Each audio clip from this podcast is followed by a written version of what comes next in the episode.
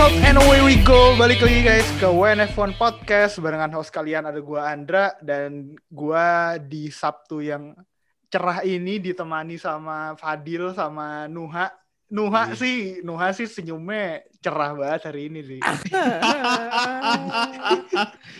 Enggak dari enggak cuma pagi ini Pak, dari tadi malam tuh bahagia banget sih.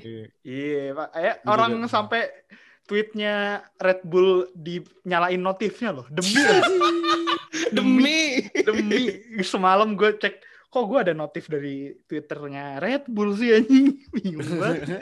Aneh-aneh. Nah, uh, ini sebenarnya podcast rada apa emergency tapi sebenarnya kita udah bisa lihat ini we can see this coming lah ya dari beberapa hari yang lalu ya kayak semua tanda-tandanya kan ke sini kan Oh, iya. Tapi sebelum itu gue mau bahas satu berita terbesar minggu ini satu berita terbesar yang bahkan bukan berita pers ke Red Bull pak Apalagi tuh? Eh, Bagindo buka restoran di Indonesia. Wah, iya anjir. Oh iya itu itu itu. Itu.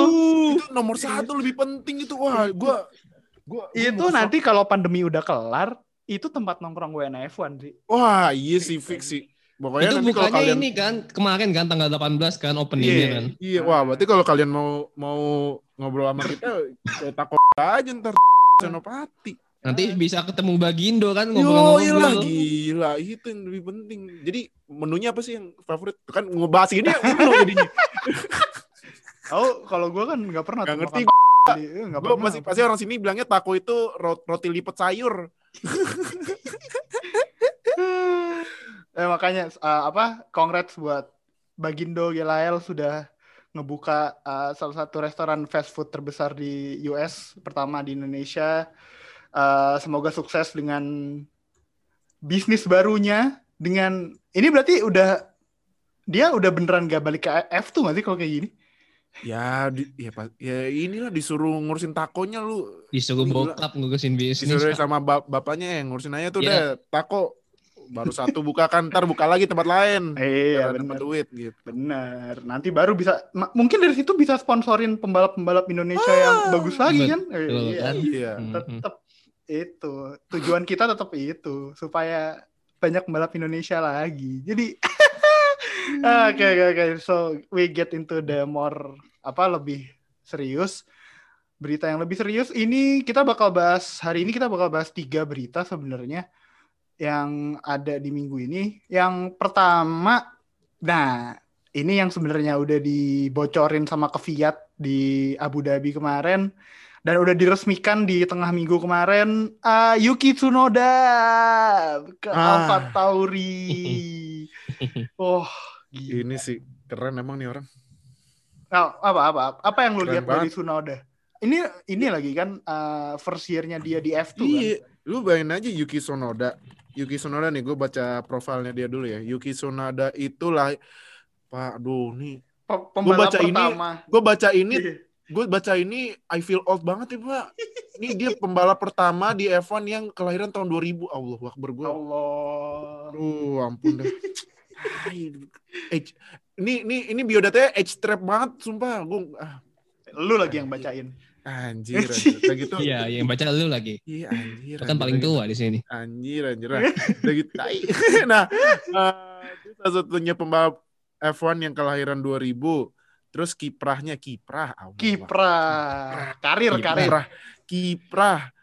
Eh, kiprah dia dalam balapan itu dari 2016 sampai 2018 dia main di F F4 Japanese Championship. Hmm. 2019 main di Euro Formula, tapi 2019 juga dia pindah langsung ke F3. FIA F3 sempat main di Toyota Racing Series tapi ya eh ini apa eh untungnya main eh, ke F2 mungkin kayak kayak- kayaknya ini di Toyota Racing Series sambil ini deh apa apa sampingan nih Dua series gitu ya dia. iya Tahun dua nah, series itu gitu. main Hmm. habis itu main di F2 rookie menang tiga kali empat pole, pos, empat pole position tujuh podium sama finish ketiga lo gila Hmm, nih Finish ketiga. Kacau mantep banget emang si Sunoda. Dia, Apalagi dia, dia di atasnya dia yang tidak boleh disebut kalau iya, salah. dia nah itu dia yang yang tidak boleh disebut yang udah berkarir di F2 lima tahun. Eh? Oh, yang ini, yang barusan. iya, yang yang lagi mikirin gimana cara mengenal Ekspansi. Roti roti lipat sayur ke masyarakat. Oh, ki- kirain mau pikirin caranya gimana balik modal kan? Anjir, ya itu salah satunya. Nah, jadi gila sih Yuki Tsunoda nih emang. Jadi, nah cuman gue yang penasaran nih gimana, ini tantangan baru buat Alfa Tauri ya. Bisa dia kan tinggi, paling pendek di Iya. line up pembalap F1 dia 159 159. cm loh. Hmm. Nah, berarti itu kan berarti itu kan kayaknya otomatis jarak kakinya itu yang pedal ke itunya ke gas sama remnya kan harus dimajuin tuh sama Alfa Tauri. Iya. Nah, gue penasaran ya gimana cara nyetingnya tuh. Yoi. Nuh gimana Nuh? Sunoda. Dia suka sih gue ngelihat cara race dia di F2 kemarin kalau nonton. Keren Ya, gila, gua- keren Gua banget. rasa Sunoda ya di save the, di save the seat ya, apalagi memang karir dia tuh di F2 tuh memang cukup bagus ya dengan beberapa kali di podium, menang Victor Race, Hmm. dan peringkat tiga pun menjadi dia bukan bukan bukan menjadi alasan kalau dia tuh layak untuk lama-lama di F2. Mak- Makanya gue setuju sih dengan AlphaTauri ini anak harus segera masuk cepat-cepat F1 karena ya talentanya itu ya baru baru aja rookie di F2 udah bisa juara tiga. Walaupun emang nggak kayak mungkin talentnya mungkin nggak seba, nggak sementara kayak George Russell atau Charles Leclerc waktu Iya, ketika iya. mereka di F2, tapi dengan kaliber dia yang memang dibantu dengan banyak sokongan apa segala macam ya dia pantas duduk di F1. Yes, benar-benar benar. Mm-mm. Eh, dia juga kelihatan agresif gitu ya kalau ngelihat di F2 cara balapnya dia Betul. Kacau, Pak. eh, agresif tapi tetap rapi. Eh, makanya ini nanti asik sih ngelihat Alfa Tauri ini sebenarnya duetnya jadi maut sih, lumayan oke sih. Gasly Iya. sama Sunoda nih oh, kalau asal mobilnya bisa disetting dengan tepat buat tahun 2021 mungkin bisa challenge buat eh, midfield, Midfield. lebih tinggi sekarang. Iya. Mungkin mungkin bisa challenge buat top 3 gitu. Iya. Udah gitu kalau misalnya nonton F2 tuh dia kalau misalnya dia kan kalau main di sprint race apa eh, sprint atau fitur juga dia kalau start belakang ngeri Wah, dia iya, maju, ngeri. majunya tuh ngeri banget. Hmm. Ngeri banget. Dia kayak gokil sih emang Yuki Tsunoda. Iya, dia kan eh, dia dari Honda Junior Racing Program gitu lah ya kan. Iya, Iya. Honda Project Team. Dan Ah, dia makanya- pembalap ketiga yang kebangsaan Jepang, Jepang. setelah Takuma Sato sama Kamui Kamui Kobayashi. Kobayashi. Kamui Kobayashi. Iya. Hmm. Gitu. Ini gue bener-bener excited ngelihat Tsunoda buat Alfa Tauri, apalagi ah tapi si ini sih berarti ini ngebikin ke Fiat jadi nggak dapat tempat di 2021 Iya. dan belum ada Hmm. berita juga sih dia mau ke mana kira-kira bakal jadi reserve driver atau bakal uh, pindah series. Uh, kalau dari lu berdua apa yang paling lu inget sih dari karirnya ke Fiat selama di F1? Ke Fiat Hmm. jadi torpedo. torpedo di torpedo. Rusia labrak The torpedo. nabrak ini, nabrak Vettel. Cuman kalau yang memorable itu ya pas dia di apa ya?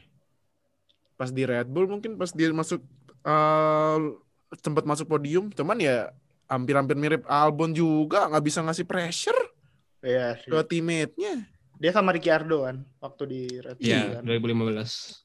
di 2015 pas Vettel Hmm. baru, baru pindah. Hmm, ya kalau lu noh Kalau gue sih mungkin musim ini ya, soalnya tuh musim ini tuh bisa dibilang itu the best seasonnya Kvyat ya. Maksudnya Ah. dengan dia cukup sering dapat poin dan Hmm. Hampir hampir dapat podium waktu ketika di Mola itu peringkat 4. ya peringkat empat. Walaupun sebenarnya sih ya nggak bagus-bagus sama, cuman memang musim ini tuh the best lah. Maksudnya dari tiga kali tiga, tiga kali attempt dia di, di Toro Rosso atau Alfa Tauri itu ya musim itu ya musim terba- musim paling bagusnya dia. Dia udah apa istilah itu dia udah pengalaman bolak-balik dari timnya Red Bull lah dari dari Toro Rosso terus naik Red Bull terus diturunin. Di Red Bull apa di Toro Rosso lagi terus Hmm. kosong lagi jadi apa, reserve driver Ferrari terus naik lagi jadi Toro Rosso ya musim ini tuh emang musim terbaiknya Kvyat tapi sayang aja sih dia tahun depan harus nggak ada untuk sementara Ya. ya itu emang agak disayangin aja sih memang ya. Oh ya sama ini, sorry gue potong. Ternyata Hmm. tuh sebenarnya pembalap kelahiran Jepang banyak. Cuman yang paling memorable memang Takuma Sato sama Sato, sama, sama kamu yang istilah yang Kobayashi. paling yang sukses lah Iya, Sato tuh Tapi- sekarang di IndyCar sih? Takuma Sato di IndyCar dulu sempat Jangan menang IndyCar. Indy 500 juga yang paling bergengsi. Nah, Sama ini juga dari Jepang ada pembalap yang sering jadi meme zaman Anjing, dulu si Siapa? ini, Taki Si Inoue. Taki Inoue lu harus lihat. Oh Sumpah, iya iya iya. Seru iya, banget iya. sumpah tuh Terus orang ini ada ada lagi Yuji Ide. Yuji Ide. Yuji banget Ide, sih. iya iya tahu banget sih itu. sama ini juga yang ngaco juga Sakun Yamamoto Sakun Yamamoto tuh ada Hmm, pas hmm. musim berapa gitu gue lupa. Gue nonton aduh mainnya ah udah gak paham dah. Ya, semoga Yuki Tsunoda bisa memberi harapan baru buat Jepang. Siapa tahu kan kalau nah ntar kan kayak bisa kayak ini kan bisa kayak Max Yoi. yang Max, Bikin Max masuk kan Max. penonton penonton F1 di Belanda dikit. Hmm. Max berprestasi, wah gila tuh kan langsung ada satu section khusus buat penonton Belanda tuh oren-oren Iya, semua kan. oren. Nah, Super Max. apalagi Orange dibikin Army. dibikinin GP di Dan Ford. Zandvoort. Da- Zandvoort. Nah, jadi Oh, kebayang nanti Suzuka tahun depan sih ram kalau bisa ada penonton ya rame sih Suzuka tahun depan. Iyalah pasti. Rame Buat banget. Dan, dan, dan, dan bukan hanya sekedar di apa yang nonton tuh fans Red Bull atau AlphaTauri aja, tapi ya nasionalisme Jepang tuh bisa jadi ma- malah bikin dia Wah, makin iya rame sih. lagi. Iya, iya. Iya iya. Sama orang Jepang mainnya di AlphaTauri, mesinnya Honda. Ya, Wah. kurang, apa, kurang apa coba? Nah, Cahaya Asia udah. Honda, iya, Hmm. sebelum Honda Caps ya. Iya, Iya, iya, ini kayak kado kayak kado perpisahannya Honda buat bareng Red Bull gitu loh. Yo, Ini iya. gue kasih lu satu driver eh, talentanya oke. Nah, coba deh di develop demikian rupa. Sebenarnya apa yang Jepang harapin ke Sunoda nih apa yang rakyat kita harapin ke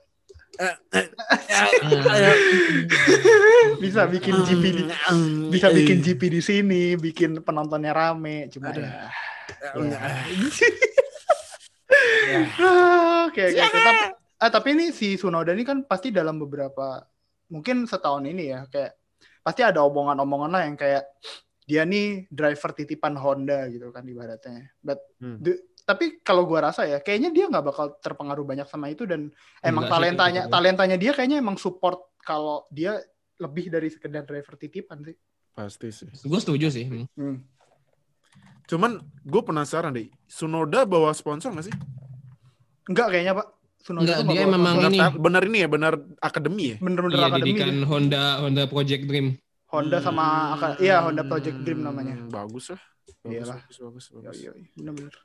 Cuma- Lagian- tapi ya gue sih ngarepnya kan Sunoda punya ini kan punya sosmed siapa tahu dia rada-rada ngelawak gitu kan gitu kan Iya, biar iya. biar biar ini biar biar penonton milenial sama Gen Z-nya makin tambah Makin F1 banyak. makin tarik F1. Bener.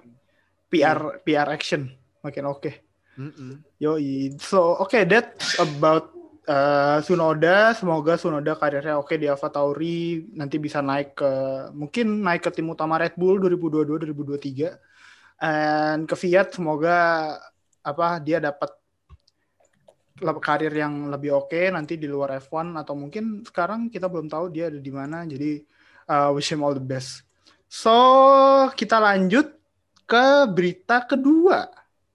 Ini baru datang kemarin sore, iya hari Jumat sore diumumin kalau eh, Toto Wolff bakal tetap jadi tim prinsipal Mercedes sampai at least sampai tahun 2023. Itu kalau dia belum nanti 2023 bakal perpanjang kon- perpanjang kontrak lagi ya. Di- Fadil abis ada berita ini langsung rip Ferrari Dil. Kenapa Dil? ya Pak Pak Toto Wolf nambah tiga tahun ah udahlah sulit Pak sulit bener dah sulit karena memang Toto Wolf itu dia aja kalau misalnya lihat pembalapnya peringkat tiga ya kayak udah pengen ini kan langsung nabuk-nabuk meja kan langsung Meja, uh, gitu langsung kan. rusak Iya, mejanya. iya, kan? langsung rusak nah makanya ada ah udahlah kalau misalnya dia apa eh bukan misalnya si Toto Wolff udah nambah tiga tahun dan Toto Wolff juga sekarang kan pak pak kok pajak sih eh, pemi- kepemilikan sahamnya di Mercedes 33,3 persen Ya, kan dibagi tiga kan jadi 30. Tadinya naik, eh tadinya ini naik ya? Tadinya berapa? Naik, Tadinya 20. tadinya kalau nggak salah sih entah itu 10% atau 20% ya. Gua iya sekarang dinaikin lah Emang dia Sekarang invest diba- ya anjing. sekarang bagi tiga Toto Daimler Mercedesnya Sama, sama Ineos. Ineos yang sponsor main sponsor ya sekarang ya Petronas kayak sekarang bukan sponsor utama sih kayaknya. Petronas masih sponsor utama, masih ya? masih Masih sampai yang title sampai- sponsornya tuh iya. masih Petronas. oh iya iya iya iya iya benar jadi itu nah itu bagi tiga aduh makanya Udahlah, rest in peace Ferrari deh. Sabar ya, Sainz ya. Carlos Sainz sabar ya. Padahal Fadil dulu ngefans juga gitu sama Sain eh sama Sain cuma ya. Iya, aduh, ya Aduh, kasihan lah, Ya, karena- kasihan. Kasih kasihan. moral support aja lah gue. Kasih murah support. Eh, gue sedikit menjauh dari technical dulu. Eh, ini soalnya lumayan oke buat dibahas.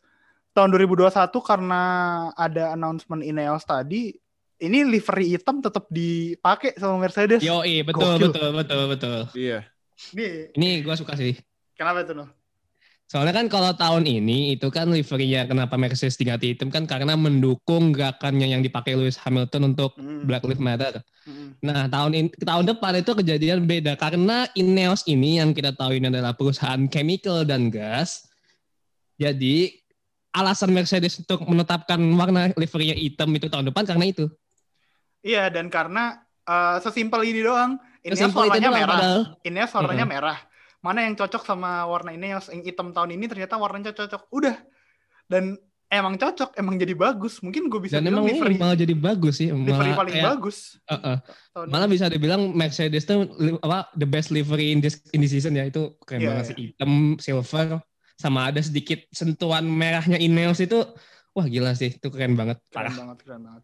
Ya, makanya eh, banyak berita bagus buat Mercedes dari apa announcementnya Toto ini. Eh Nuh, kita Hmm. mungkin bisa expect Mercedes mungkin bakal dominasi lagi di sampai 2023. Iya. Eh, karena ada Toto sampai 2023 gitu. Tapi lu bisa ngelihat ada perubahan yang bakal signifikan gak sih dari Toto eh, bakal tetap jadi tim prinsipal sama apa regulasi di 2022 gitu buat Mercedes sendiri. Mercedes itu gua rasa mereka bakal cepat beradaptasi ya. Hmm. maksudnya dengan Toto dengan bisa ditambah lagi kontraknya sampai tiga tahun berarti memang me- tujuan mereka tuh untuk mendominasi ini mendominasi F1 dengan Toto di sana lebih lama lagi mereka pun juga udah persiapan untuk tahun depan. Bahkan mungkin dengan regulasi baru mereka juga udah siap. Dengan adanya Toto juga gua rasa malah driver market yang bakal akan lebih seru karena kemarin pun juga ada sedikit berita kalau misalnya Hamilton itu belum mau menand- apa signing Hmm. kontrak baru. Jadi Iya. ekspektasi Red Mercedes tuh Hamilton tuh kalau nggak salah bakal signing at least sebelum preseason musim 2001. Itu masih lama ya 2021. sebenarnya. Masih lama, masih lama. Karena lama. mungkin ada deal atau yang mungkin dealnya mungkin nggak sesuai antara Hamilton sama Mercedes tuh demand-nya mungkin nggak ketemu. Gua rasa sih emang kayaknya Hamilton tuh pengen gajinya lebih gede, tapi dia pengen dapat leverage-leverage yang memudahkan dia. Misalnya kayak dia bisa work from home atau bisa nyantai-nyantai dikit. Ya mungkin yang bikin itu ngebuat Mercy itu harus mikir ulang mau nggak mau ke deal itu berjalan atau enggak. Makanya kayak dealnya tuh masih belum ketemu sampai sekarang. Hmm. Iya, iya benar benar benar benar. Prospek mereka 2022 dengan driver baru dengan ya mungkin Bottas juga udah nggak ada jadi pure driver baru but we don't know about that jadi ya mereka sih memang udah persiapan for the future sih kalau menurut gue Eh, ini yang menarik tuh Toto diumumin duluan sebelum eh, announcement driver 2021-nya Ham- ya kalau kita bisa lihat mungkin Hamilton gitu ya. Tapi Hmm.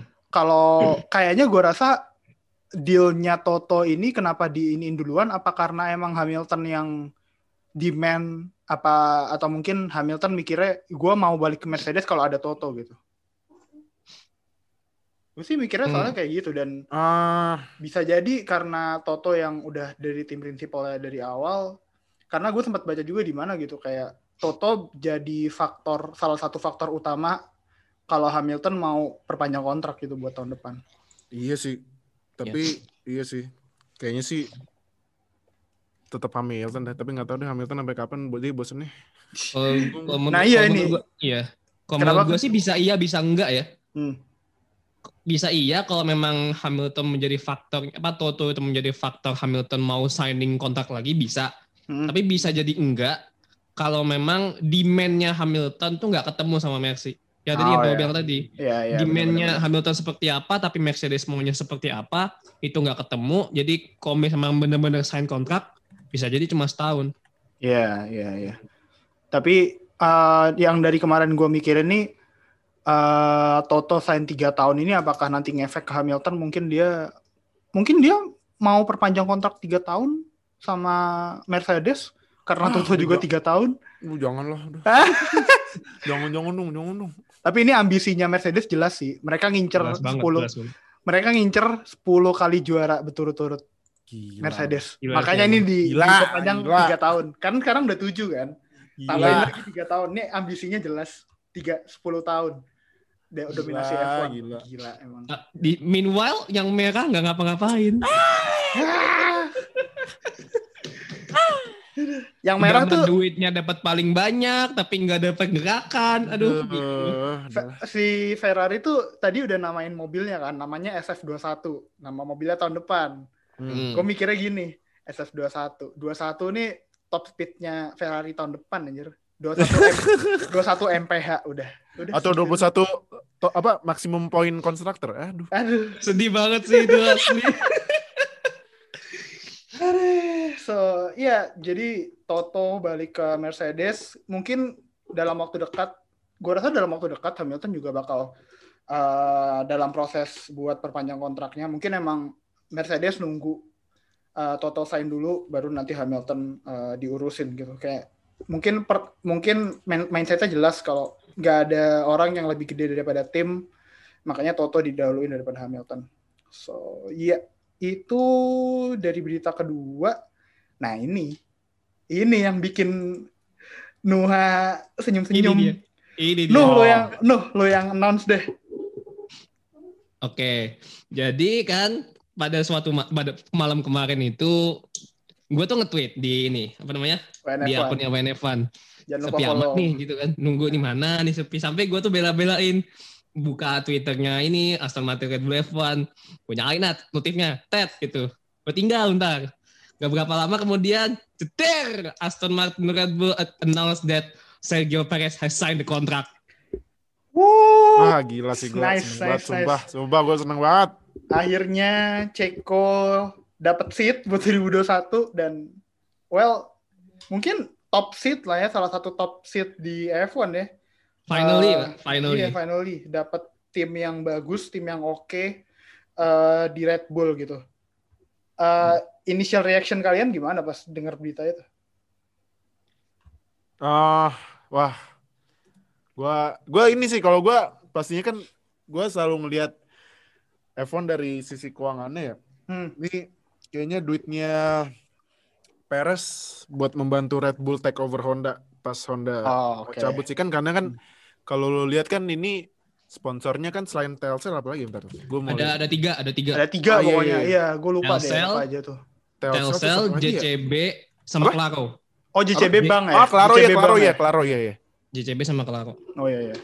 Oh iya iya iya ini benar-benar benar. Iya jadi ya bagus lah nih. Berarti ya nanti di mobilnya Red Bull kayaknya bakal dipasang Claro sama Telcel ini. Paling di paling bagian-bagian samping yang Tapi kan Aston. Aston Martin kan cabut. Iya. Nah sama- iya Aston Martin cabut mungkin ya tapi nggak gede-gede banget. Iya sih. Ya kecil-kecil aja gitu. Mungkin Makanya dari ini duitnya buat membantu nih, membantu. nabung kali ya. Soalnya kan Kan kalau iya iya iya. Ah, soalnya kan uh, katanya kontraknya Ceko ini cuma satu tahun kan, tahun depan Iya. doang. Ya, one Iya. doang. Hmm, Jadi lumayan lah main buat, buat tahun depan. Hmm. Ah. Buat performance on track, Nuh gimana Nuh? Sergio Perez performance on track. Uh, apakah bisa ngasih pressure ke Verstappen tahun depan? Mungkin bukan ngasih pressure Verstappen aja ya. Jadi Ceko tuh malah bisa still the podium still atau enggak bisa still the win kalau menurut gua di saat kalau misalnya Max Verstappen mobilnya bermasalah, jadi Red Bull masih bisa mengandalkan Perez di situ. Kalau Hmm. misalnya Verstappen DNF atau misalnya kena isu, nah ketika Perez itu masih ada, masih ada di masih ada dalam race, itu bisa diandalin tuh si Ceko. Hmm. Bisa malah bisa jadi podium atau mungkin bisa jadi menang situ. Hmm. Karena ya kalau dilihat dari musim ini aja deh, kalau Hmm. mau itu cek apa Perez tuh pace-nya itu tuh konsisten. Hmm. Pace-nya itu konsisten bagus, jarang kayaknya ja, setahu kayaknya sih bukan jarang sih. nggak terlalu sering dia tuh ada di bawah di bawah posisi ke 10 ya nggak terlalu sering seingat gue sih segitu dan ya yang waktu di Sakir itu itu jelas banget sih itu the best performance he get gitu dari nomor 20 sampai nomor 1 itu kayaknya Iya. udah menjadi bukti jelas kalau Perez itu sebagus itu dan itu juga yang menjadi alasan kenapa akhirnya Red Bull mau signing Perez Hmm. Iya. dari 20 ke 1 yang which is Albon can do that. Iya, iya. Bisa abisnya gini loh kalau gue gue liat Perez kalau di kalau startnya belakang-belakang dia masih ada usaha buat naik. Ini masalahnya Albon udah di belakang susah naik. Padahal Iya, mobilnya. Red Bull. Benar-benar. Nah. Paling cuman kemarin doang tuh yang dia hampir ngejar Hamilton di Abu Dhabi. Iya. Tapi itu juga lapnya udah udah mau habis kan. Iya makanya. Kalau dia punya waktu lebih banyak, dia lebih agresif tuh kekejar itu Hamilton. Yakin banget Iya, gue kekejar fix. Hamilton sama dia. Iya makanya jadi Hmm. ya ya udah. Tapi ya eh, reaksi netizen di sosial media lumayan polarizing sebenarnya. Oh, Benar, benar. Banget. ada yang ada yang seneng Perez dapat seat, ada yang nge ya seperti biasa apa nggak nyalahin Red Bull karena mereka nggak bisa ngedevelop salah satu drivernya lagi gitu in bisa? Albon. Kenapa nyalain Red Bull lah? Albon kayak gitu. ya ya lagian ya teammate-nya Max yang udah yang ibaratnya pembalap muda terbaik ya lu harus inilah harus tandingin tandingin prestasinya Max ya kalau nggak bisa Hmm. cabut masa Ya. nyalain nyalain Red Bull gimana netizen Tapi gue rasa gue mengerti sih kenapa banyak orang tuh yang kayaknya nggak suka dengan kebijakan ini karena Hmm. seperti yang kita udah tahu banyak tuh Red Bull tuh kayak gimana dengan manajemen drivernya dia. Yang Hmm. terbaru jelas Pierre Gasly. Udah mah dia waktu itu bagus kan di Toro Rosso, terus akhirnya dimasukin Red Bull, dipuji-puji pas dia jelek diturunin. Dan Hmm. itu kayak ngejadi kayak bad PR-nya, nggak bukan bad PR sih jatuhnya kayak itu tuh kayak Blunder lah. itu blunder dan bisa menjadi aib kalau misalnya mungkin nanti kalau misalnya Gasly dinaikin lagi itu kayak lu kayak ngejilat udah sendiri lu udah lu udah ngetarik iya iya itu itu bener sih. Itu bener. Naikin Gasly terus akhirnya lu naikin lagi. Tapi, ya Tapi- memang Hmm.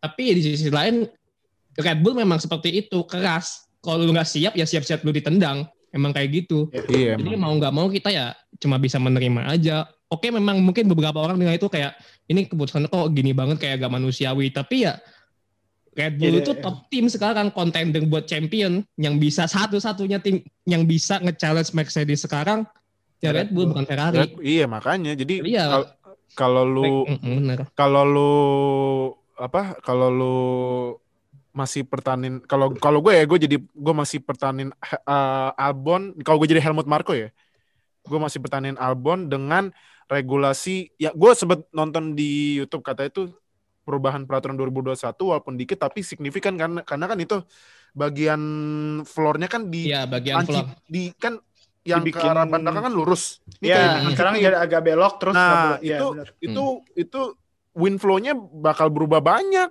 bakal berubah bener. Iya makanya jadi ya kalau masih pertandingan Albon yang ngejar Max ngejar Max aja nggak bisa walaupun sempat finish sekali depan Max ya pas di Mugello yang itu juga. Itu Max-nya kan?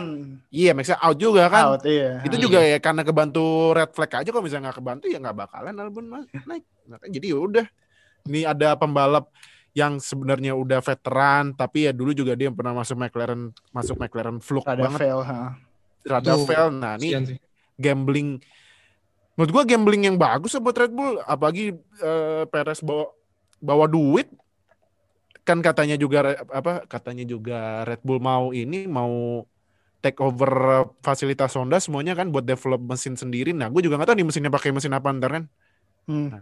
ya udah Hmm. bisa kan kalau sama Renault pasti nggak mau kan udah baper baper Nggak mau, nggak mau. Mereka udah udah, Iya, udah putus baper. lah maksudnya. iya udah, udah putus sama. Renault. iya Banget. mungkin yang mungkin yang tahu untuk hmm. Iya mungkin mungkin nanti ini kali tiba-tiba surprise gitu masukin Porsche atau siapa gitu kan Jaguar, Yang- kan, Cosworth Iya. tiba-tiba. nih atau nggak gini ya misalnya nih 2020 Formula ini ya kan abisnya kan sayang ya emang pabrikan-pabrikan mobil yang gede-gede kan lebih prefer Formula E ya Iya, iya. ya kan Karena lebih Nah, siapa tahu tiba-tiba masukin Audi gitu kan nah Audi Oh, nih kalau gua kalau gua cek nih ya mesin mungkin kan ya kan tim lain powertrainnya ada nama-namanya nama-nama lain ya nah siapa tahu masukin Audi atau Jaguar balik comeback atau misalnya BMW comeback BMW Hmm. enggak sih kalau kata gue BMW, BMW enggak. BMW kayaknya nggak ada ya atau Porsche gitu nah siapa tahu kan termasuk bikin dah Iya, iya makanya. Gitu. Eh, dan kayaknya Perez juga masuk di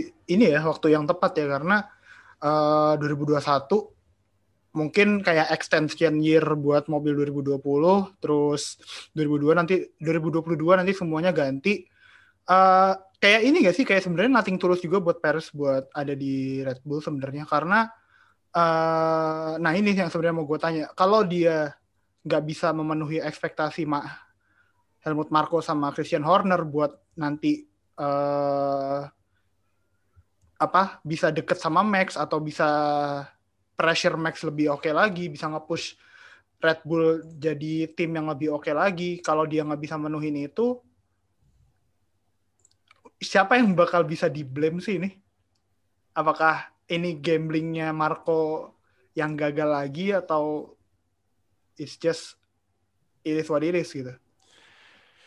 Gua Ah. rasanya bukan gambling ya kalau menurut gua. Ini kayak Iya. mereka tuh memang bisa gambling bukan tapi mereka tuh pengen kayak ini, mereka tuh pengen win now gitu loh. Mereka Hmm. tuh pengen menang, pengen jadi ya they do whatever it takes buat menang. Ya Iya. cara terakhir mungkin bukan bisa dibilang cara terakhir nih. Opsi paling bagus untuk musim depan ya masih mumpung masih ada driver yang kategorinya bagus dan masih kosong Sergio Perez ya mereka ambil. Hmm. Lagian mereka udah sejak dan sejak Ricardo cabut itu kan mereka kayak mereka tuh cuma berjalan dengan satu kaki gitu loh untuk mencapai mencapai championship. Mereka cuma jalan dengan Max, Max Verstappen doang. Gasly nggak sanggup kaki ibarat dua kaki deh. Kakinya tuh kaki kanannya tuh pincang. Masa lu cuma ngandelin satu kaki doang gitu. Cuma Iya, ngandelin Verstappen doang kan nggak cukup. Hmm. Gasly nggak sanggup. Albon mungkin ketika pertama kali masuk Red Bull untuk gantiin Gasly, ekspektasinya nggak setinggi itu. Iya, tapi terlihat oke kan. ya, terlihat oke. Terlihat oke dan bagus. Tapi ketika 2020 ekspektasi meninggi, Albon nggak sanggup untuk menahan pressure itu. Hmm. Jadi ya pincang lagi kakinya Mercedes. Bis Iya. bisa mereka juga kan dua driver ini tergolong masih muda ya. Dan benar-benar belum istilahnya ya masih muda lah, masih bisa di-develop lagi. Sedangkan yang Perez ini dia udah veteran dan dia udah 10 tahun dan dia juga udah melalui berbagai adaptasi dengan peraturan-peraturan baru di F1. Jadi gua bisa bilang kalau Perez itu punya high, adap- high adaptability. Ketika musim 2021 ini dengan sistem aero aero yang baru, gua rasa gua rasa Perez bakal cepat beradaptasi dengan itu. Karena ya Hmm. dia udah lama dan dia bisa beradaptasi dengan segala macam kondisi mobil apa pun.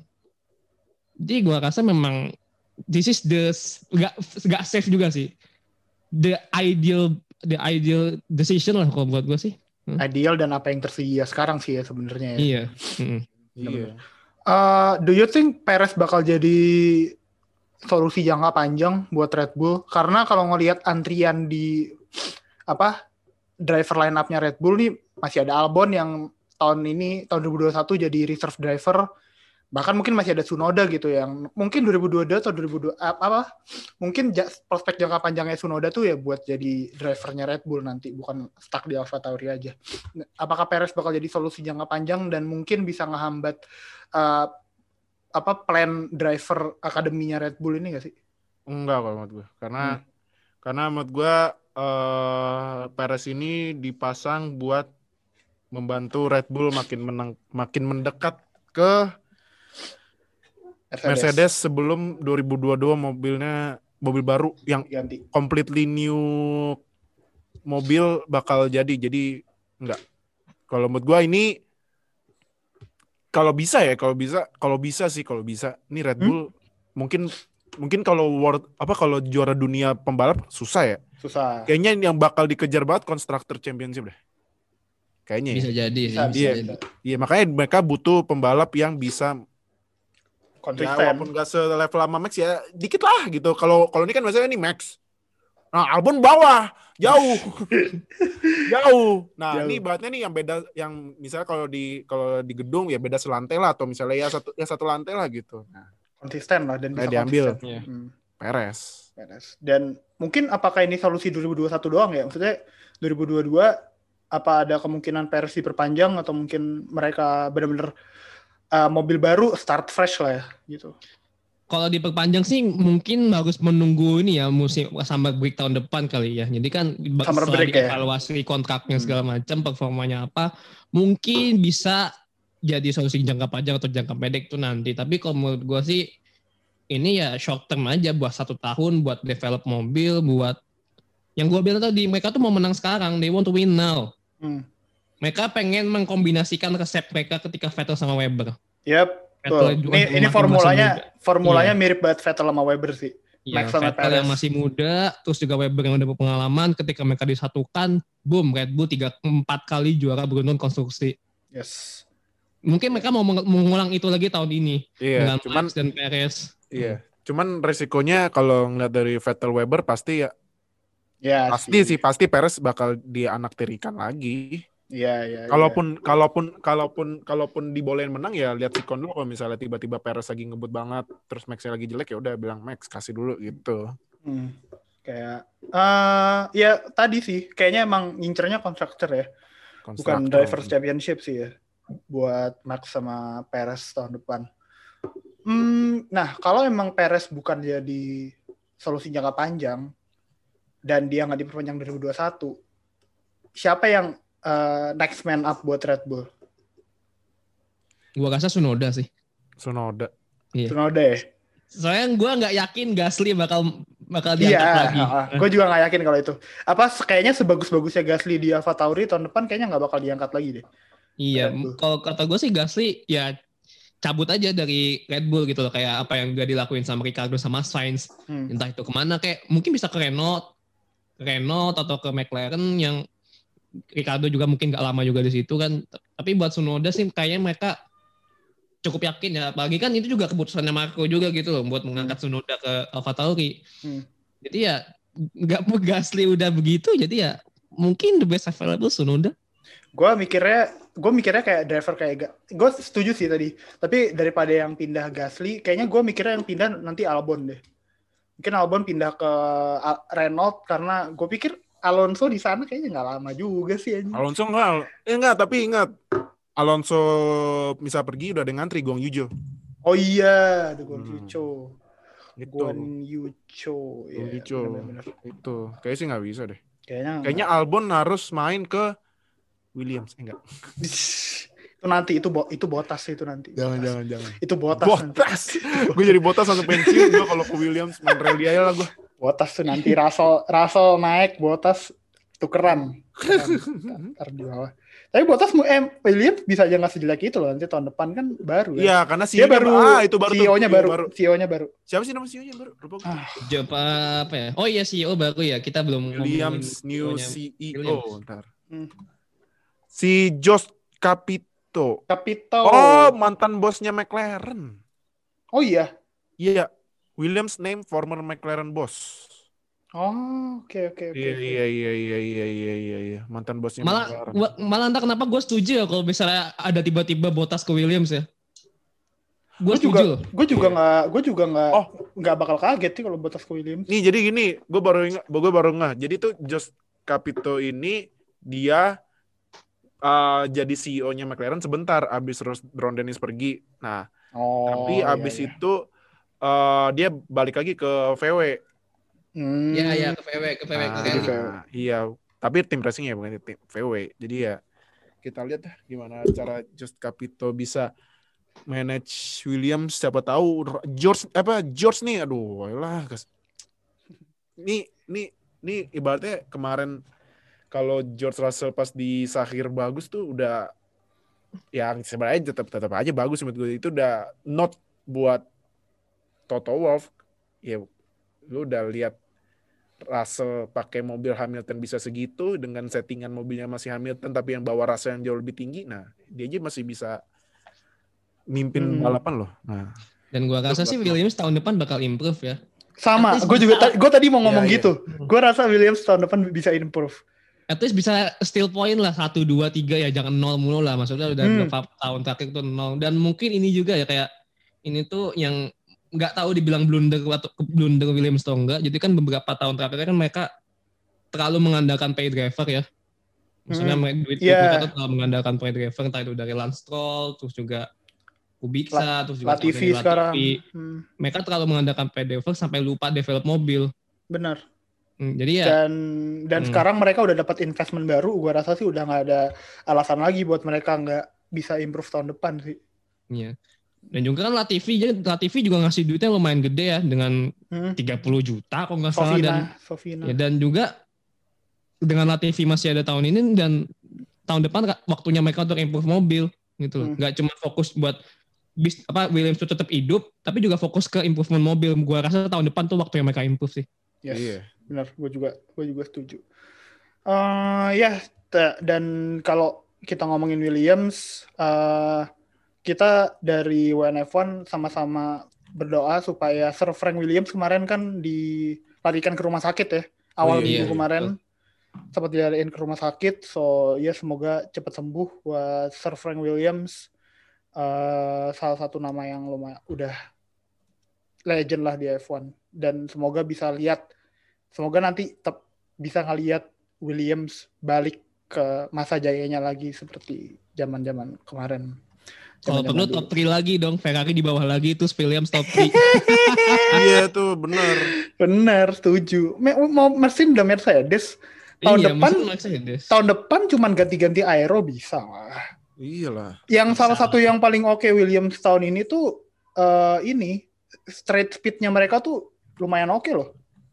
Jauh Iya. daripada musim lalu, jauh banget naiknya. Jauh jauh jauh jauh jauh. jauh. straight speednya jauh dan emang masalah mereka di cor- cornering speed emang. Tapi ya kalau tahun depan bisa diimprove bagian aeronya segala macam, udah sih Williams mungkin bisa kon- bisa improve banget tahun depan. Yoi. Yes itu. So ya mungkin eh, itu aja dari podcast hari ini. Eh, kita udah bahas soal Sunoda yang bakal race di Alpha Tauri tahun depan. Toto yang jadi tim principal di Mercedes di, sampai 2023. Sergio Perez yang akhirnya dapat seat di Red Bull buat 2021 dan kita ngomongin sedikit soal eh, Williams Racing. Eh, jangan lupa buat follow Twitternya WNF1 di WNF1 underscore ID. Eh, tempat kita bakal ngobrol-ngobrolin F1 bareng eh, kalian-kalian. Kalian boleh tanya segala macam, kita bakal berusaha jawab dan kita bakal selalu update dengan eh, berita-berita baru. Eh, kita bahkan belum ngadain season review ya buat 2020 ya. Nanti Belum, belum. aja. kita belum. Yoi, belum ngadain season review nanti kita bakal bahas uh, banyak soal tahun 2000 soal musim yang uh, lumayan unik di 2020. Oke, uh, thank you Noh, thank you Dil udah join. Yuk. Thank you Uh, so much. uh, lu mau nambahin? Ada yang mau lu tambahin nggak? Oh, gue mau namain satu. Jangan lupa kata. Oh, gue udah kasih free promotion tuh demi mau membantu kita silaturahmi kita Iya.